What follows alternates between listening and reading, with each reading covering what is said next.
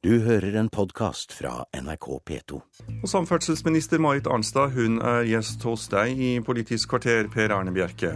Ja, som vi har hørt i nyhetene, har hun klare tanker om hvor det er riktig å bygge ut jernbanen. Hun mener også det er nødvendig med restriksjoner for å begrense bilbruken i byene.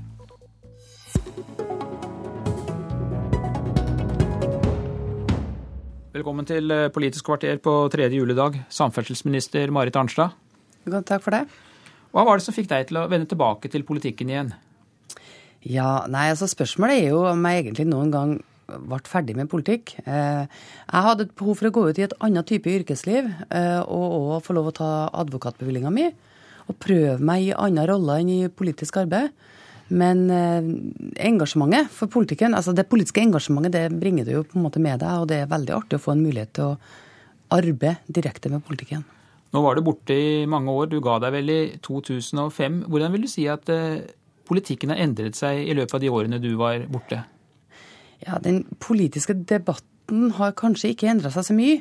Skjønt jeg føler nok på en måte at vi, vi som politikere kanskje også blir litt sånn øyeblikksorientert. Men det er også journalistikken blitt i større grad. Altså Det er flere flater, flere plattformer. Å formidle eh, journalistisk det som skjer i politikken. Eh, samtidig så er det nok færre journalister som følger norsk politikk nøye og inngående over lengre tid. Og dermed så vil jeg våge den påstanden å si at det er færre journalister som også evner å stille de mest kritiske spørsmålene. Da får vi prøve så godt vi kan i dette programmet. Nå er det altså nominert på toppen på stortingsvalglista til Nord-Trøndelag eh, Senterparti. Betyr dette at du ser for deg en lang politisk karriere? Ja, Det betyr at jeg ser for meg at, og håper at jeg får muligheten til å representere Nord-Trøndelag Eh, på Stortinget første fireårs, neste fireårsperiode. Eh, men så driver ikke jeg og liksom langtidsplanlegger, så vi får ta på en måte en periode av gangen, tenker jeg. Hvor skal du bli leder i Senterpartiet? jeg har ingen ambisjoner om å bli leder i Senterpartiet, og det har jeg gjentatt veldig mange ganger. Så jeg tror nok egentlig folk er klar over det at jeg har lyst til å jobbe med politikk, men uten at jeg dermed skal bli noe partileder. Og dette er helt sikkert? Det er helt sikkert. Partiet ditt eh, slåss eh, mot eh, sperregrensen, og dere har nå ni måneder på dere til å overbevise velgerne.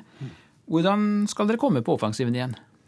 Nei, altså Det finnes ikke noe sånn, ikke noe sånn enkel eh, fasit eller oppskrift. Altså det er, Senterpartiet må, som alle andre parti, eh, vise velgerne at de er et viktig talerør for noen samfunnsinteresser. Og så må de velgerne som er opptatt av de samfunnsinteressene, de må stemme på de partiene hvis de vil ha, prøve å få et jevnt gjennomslag. Og For Senterpartiet sin del så er vi et talerør for distriktsbefolkning og distriktsnæringsliv, for primærnæringene og også for lokal velferd. Eh, og, og det må vi evne å få fram. At vi er noen som kjemper for uh, viktige interesser i dette samfunnet. Men etter uh, nesten åtte år i regjeringen så har dere altså en oppslutning på rundt uh, 4 ifølge meningsmålingene. Mm. Tyder ikke det på at velgerne ikke syns dere har gjort noen særlig god jobb? Nei, Det tyder på at målingene akkurat nå viser at du har et mer polarisert politisk landskap enn det du har hatt på lenge. Og jeg mener jo på en måte at hvis det slo til i valg, så ville det også blitt et mer fattigslig politisk landskap. Fordi jeg tror at du har behov for parti både i sentrum eh, og også lengst ut til venstre, som ivaretar viktige samfunnsinteresser som Høyre og Arbeiderpartiet alene ikke kan gjøre. Men før vi nå da tar fatt på valgåret og valgkampen, så er det juleferie. Og i likhet med de fleste av oss hadde du det sikkert eh, travelt de siste dagene før jul, Marit Arnstad. Rakk du å skrive mange julekort? Nei, jeg er ikke noen stor julekortskriver, altså. Jeg må bare si det. Men jeg, jeg var veldig, jeg syns jeg var ganske flink til å gi folk en klem og ønske dem god jul, men jeg er ikke noe flink til å skrive kort, da. Men her skal du i hvert fall få en hilsen selv.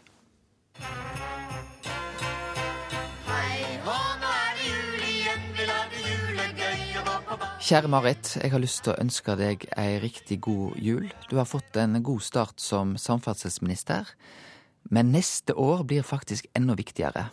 Da skal du legge fram en nasjonal transportplan, og jeg vil si 2013 blir et meget viktig samferdselsår. Og mine to utfordringer til deg, det ene er du må i løpet av 2013 bestemme deg hva skal den moderne norske jernbanen være. Du har fått en høyhastighetsutredning, du har fått en intercityutredning. Vi må nå få vite hva skal den norske moderne jernbanen være. Og så veit du òg at i Oslo, ja det er vel den byen som akkurat nå vokser sterkest av alle byer i Europa. Vi har en enda sterkere vekst i Stavanger. Og i byer som Bergen og Trondheim er en betydelig vekst. Her må vi få på plass en skikkelig kollektivstrategi. Jeg mener bybaneprosjekt både i Bergen og Stavanger må støttes opp. Og hvordan vi skal takle den utfordringen med den befolkningsveksten, ikke minst i nærheten av de store byene, det blir en jobb for deg som samferdselsminister. Riktig god jul. Nå er det jul. Lederen i KrF og leder i Stortingets transportkomité, Knut Arild Hareide. Her kommer han med noen utfordringer til deg, og for å gripe fatt i det siste han sier om behovet for å satse kollektivt i storbyene. Hvordan skal du klare å løse de store transportoppgavene i storbyene med den folkeveksten vi nå ser, ikke minst i Oslo-området? Ja, for Det første, det skal ikke Samferdselsdepartementet alene løse. For det er klart at byene sjøl er nødt til å gjøre mye av jobben. Jo, men dere legger noen viktige rammer. Ja, ja, så det er liksom et samvirke her, og det er ganske viktig, syns jeg, mellom de store byene og, og regjeringa når det gjelder å løse de problemene. Og det må skje både gjennom at du setter inn større andel eh, midler til å bygge ut kollektivtrafikk, men også at du på ulike måter begrenser bilbruken. De fleste byene har satt seg som mål at de skal begrense bilbruken. Eh, det er vanskelig å oppnå, men du må gjøre den jobben. For eh, hvis du ja. øker bilbruken, samtidig, så, så, vil du aldri kunne komme langt. Ja, men Betyr det at det du nå sitter og sier, er at du er nødt for å legge restriksjoner på biltrafikken for å tvinge folk til å reise kollektivt? Ja, jeg sier at de er nødt til å oppfylle de målene om å begrense spillbruken. På akkurat hvilke virkemidler byene tar i bruk, det skal byene få lov å være sjøl. Og det kan være litt ulike virkemidler. Er det en god idé å forby dieselbiler på enkelte dager? Men altså, Jeg syns ikke at det er en god idé å på en måte rette seg mot én gruppe bileiere. Men jeg syns at du må på en måte forholde deg til bilbruken som sådan. Eh, du bør få ned antallet både bensinbiler og dieselbiler i de store byene. Men hva konkret vil du gjøre for å begrense bilbruken? Nei, altså Poenget er at virkemidlene det er det byene sjøl som må bestemme. Og de velger litt ulike virkemidler. Men du må vel ha noen ideer selv også? Ja, ja, ja. Vi har gitt dem både hjemler i veitrafikkloven og veiloven til å kunne innføre tiltak. Og vi har også kommet med ideer om tiltak. Men vi skal ikke på en måte bestemme for byene hvilke tiltak de iverksetter. Vi har avtalt et mål med dem, og vi forventer at de oppfyller de målene de har satt seg om begrensa bilbruk. Men når du vil begrense bilbruket, så må du jo også ha noe annet å tilby, tilby, altså gode kollektivløsninger. Mm. Kan du da love at kollektivløsningene blir bedre i Oslo, i Bergen, i Trondheim, i Stavanger? Ja, altså i alle fall så er det sånn at byene har fått atskillige eh, midler fra staten til å nettopp bygge ut kollektivtilbudet. Og så gjør de også det litt forskjellig. Trondheim har satset stort på buss, mens Bergen har sin bybane. Eh, og i Oslo så vil både T-bane og buss og jernbane være viktig. Bergen vil i løpet av fire år nå få en halv milliard kroner bare gjennom belønningsordninga. Eh, Trondheim har fått nesten like mye gjennom de forrige årene de vært avtalepartner. Og vi ser jo allerede nå at det gir resultat i en del av de store byene, men det er fortsatt en stor jobb som må gjøres med å bygge ut kollektivtilbudet i byene. Du representerer et distriktsparti. Hva er det viktigste å satse på? Gode kollektivløsninger i storbyene eller mer penger til veier i distriktene? Ja, du er to tanker i hodet samtidig. Ja, takk, Fordi, begge deler. Ja, men Over 80% av persontransportarbeidet i Norge foregår fortsatt på vei. Så du kan på en måte ikke neglisjere veien og bare satse bane. Da, da kommer du ingen vei. Du må satse kollektivt og bane og, og buss og sånn i de store byene, men du er nødt til å bygge vei ut i distriktene. De to tingene må forenes på en eller annen måte. Men er du ikke likevel nødt til å prioritere for ikke å sprenge alle rammer, og slik bosettingen utvikler seg? For selv Senterpartiet klarer jo ikke da å hindre at stadig flere velger å bo i de mest folketette områdene. Nei, men det er klart at du er nødt til å gjøre noe med kollektivtilbudet i byene. Det tror jeg egentlig ingen i Senterpartiet er uenig i. Men, men, det å sette det opp imot vei i distrikt blir en litt for enkel problemstilling. Du kan jo like godt spørre deg sjøl er det riktig å bygge alle veiprosjektene vi skal gjøre i de sentrale strøk og bystrøkene. 64% Er det det? Fir, nei, det, det, er et godt spørsmål å stille. fordi at 64% av dagens nasjonale transportplan, 64% av veibygginga, er knytta til østlandsområdet. Det må man spørre seg, Er det riktig, eller skal vi på en måte eh, sette mer kollektivmidler inn i de store byene og mer vei ut i distriktene? Er det noen eh, veiprosjekter på Østlandet du egentlig ville ha stoppet? Nei, altså jeg har ikke klart å på en måte si hva som vil bli prioritert eller ikke prioritert. For den samla avveininga av transportprosjekt, det skal vi gjøre i Nasjonal transportplan. vet du. Nå snakker du om behov for både vei, for jernbane. Hvorfor har vi så mange uløste transportoppgaver i det rike landet Norge? Fordi vi over mange tiår ikke har vært flinke nok verken til å bygge ut kapasitet eller til å vedlikeholde de veiene og de, den jernbanen vi har. Og Derfor har etterslepene blitt uh, store. Og Derfor vil det også ta tid før vi klarer å bygge uh, til en moderne standard, og også å ta igjen etterslepet på vedlikehold. Så vi kom egentlig seint i gang, også i forhold til land omkring oss, og vi har en god del å ta igjen ennå. Nå er jo da en av, en av årsakene til problemene på trafikksektoren i storbyene at stadig flere altså flytter et Hvilket dilemma er det for deg som Senterpartipolitiker at det blir mer og mer folk i de tettbygde strøkene mens dere sitter med regjeringsmakta? Nei, altså altså det, er klart at Vi ønsker jo oss at du skal ha en mer desentralisert utvikling. Eh, men når folk flytter til storbyen, så skal de jo ikke av den grunn bli straffa med et dårlig eh, samferdselstilbud. Vi skal jo sørge for å få et godt samferdselstilbud i hele landet. Eh, men på sikt så mener jeg at det må være et mål at du sprer veksten. Ikke bare ut ifra samferdselsmessige hensyn, men ut ifra samfunnsmessige hensyn. Fordi at jeg tror det vil være bedre både for i forhold til miljø, og også i forhold til levekårene for folk, og også i forhold til da, samferdsel på sikt. Neste år kommer altså en ny nasjonal transportplan, som vi også hørte at Hareide var inne på. Hvor er det viktigst å bygge ut jernbanen i årene som kommer? Rundt de store byene. Jeg er ikke i tvil om at det er rundt de store byene. Eh, for å på en måte kunne frakte folk til og fra arbeid, og også for å spre veksten rundt de store byene, så er jernbanen viktigst. Når kan du da love at eh, vi får til eh, intercitytriangelet på Østlandet?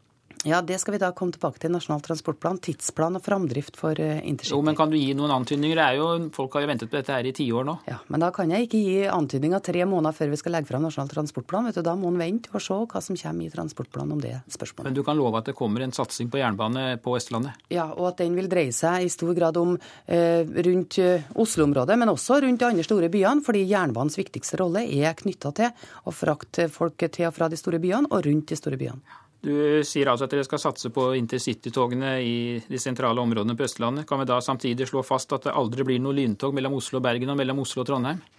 Jeg må si det at jeg har vanskelig for å se at det er mulig å prioritere lyntog og høyhastighetstog i den økonomiske situasjonen du er i i dag, der du også på en måte skal ha en ansvarlig økonomisk politikk, og der du har andre behov å prioritere på samferdselsområdet som er viktigere. Så den utredningen som ligger der, er det bare å legge i en skuff og kaste nøkkelen?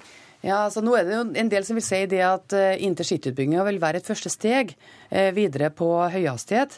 Uh, og jeg må nok si det at jeg er også usikker på det, men intercity er lagt til rette sånn at du på et senere tidspunkt kan gjøre det valget om Høyesterett dersom du ønsker det.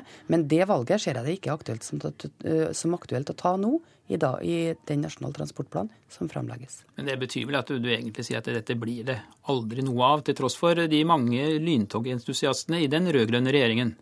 Jo, men jeg skjønner at folk er opptatt av lyntog. og Derfor så har vi også lagt til rette for at vi har høye, eh, høy fart på intercitystrekningene. Men vi er nødt til å prioritere ressursene. Og det viktigste du kan gjøre på jernbanen i dag, det er å bedre jernbanen kapasitetsmessig rundt de store byene. Og så bruke fly mellom eh, storbyene og ja, Vi kommer ikke bort ifra at Norge er et land der også fly kommer til å være en viktig del av transportarbeidet. Det kommer vi ikke ifra. Det gjelder ikke bare mellom de store byene, men det gjelder ikke minst på kortbanenettet, som er avgjørende viktig for Norge. Takk skal du ha for at du kom hit til eh, Politisk kvarter, Marit eh, Arnstad, og fortsatt god jul. Takk i like måte. Marit Arnstad da jeg snakket med henne for noen dager siden. SVs samferdselspolitiske talsmann og kanskje Stortingets største lyntogentusiast Hallgeir Langeland har ikke gitt opp kampen for en høyhastighetsbane. Han er ikke begeistret for Arnstads synspunkter. Ja, nå lager du trøbbel for uh, seg sjøl, for det at stortingsflertallet, alle partier unntatt Frp, jeg har klokelig sagt at når en bygger jernbane på Østlandet, så skal en tenke på hele Norge i forhold til at en skal bygge med lyntogkvalitet sånn som vi nå gjør i Vestfold. Langeland vil likevel ikke være med på at kampen om lyntoget er tapt. Nei, dette er en kamp. Hun legger seg ut med Stortinget, Stortinget og parlamentarismen, og det skal hun nok få merke.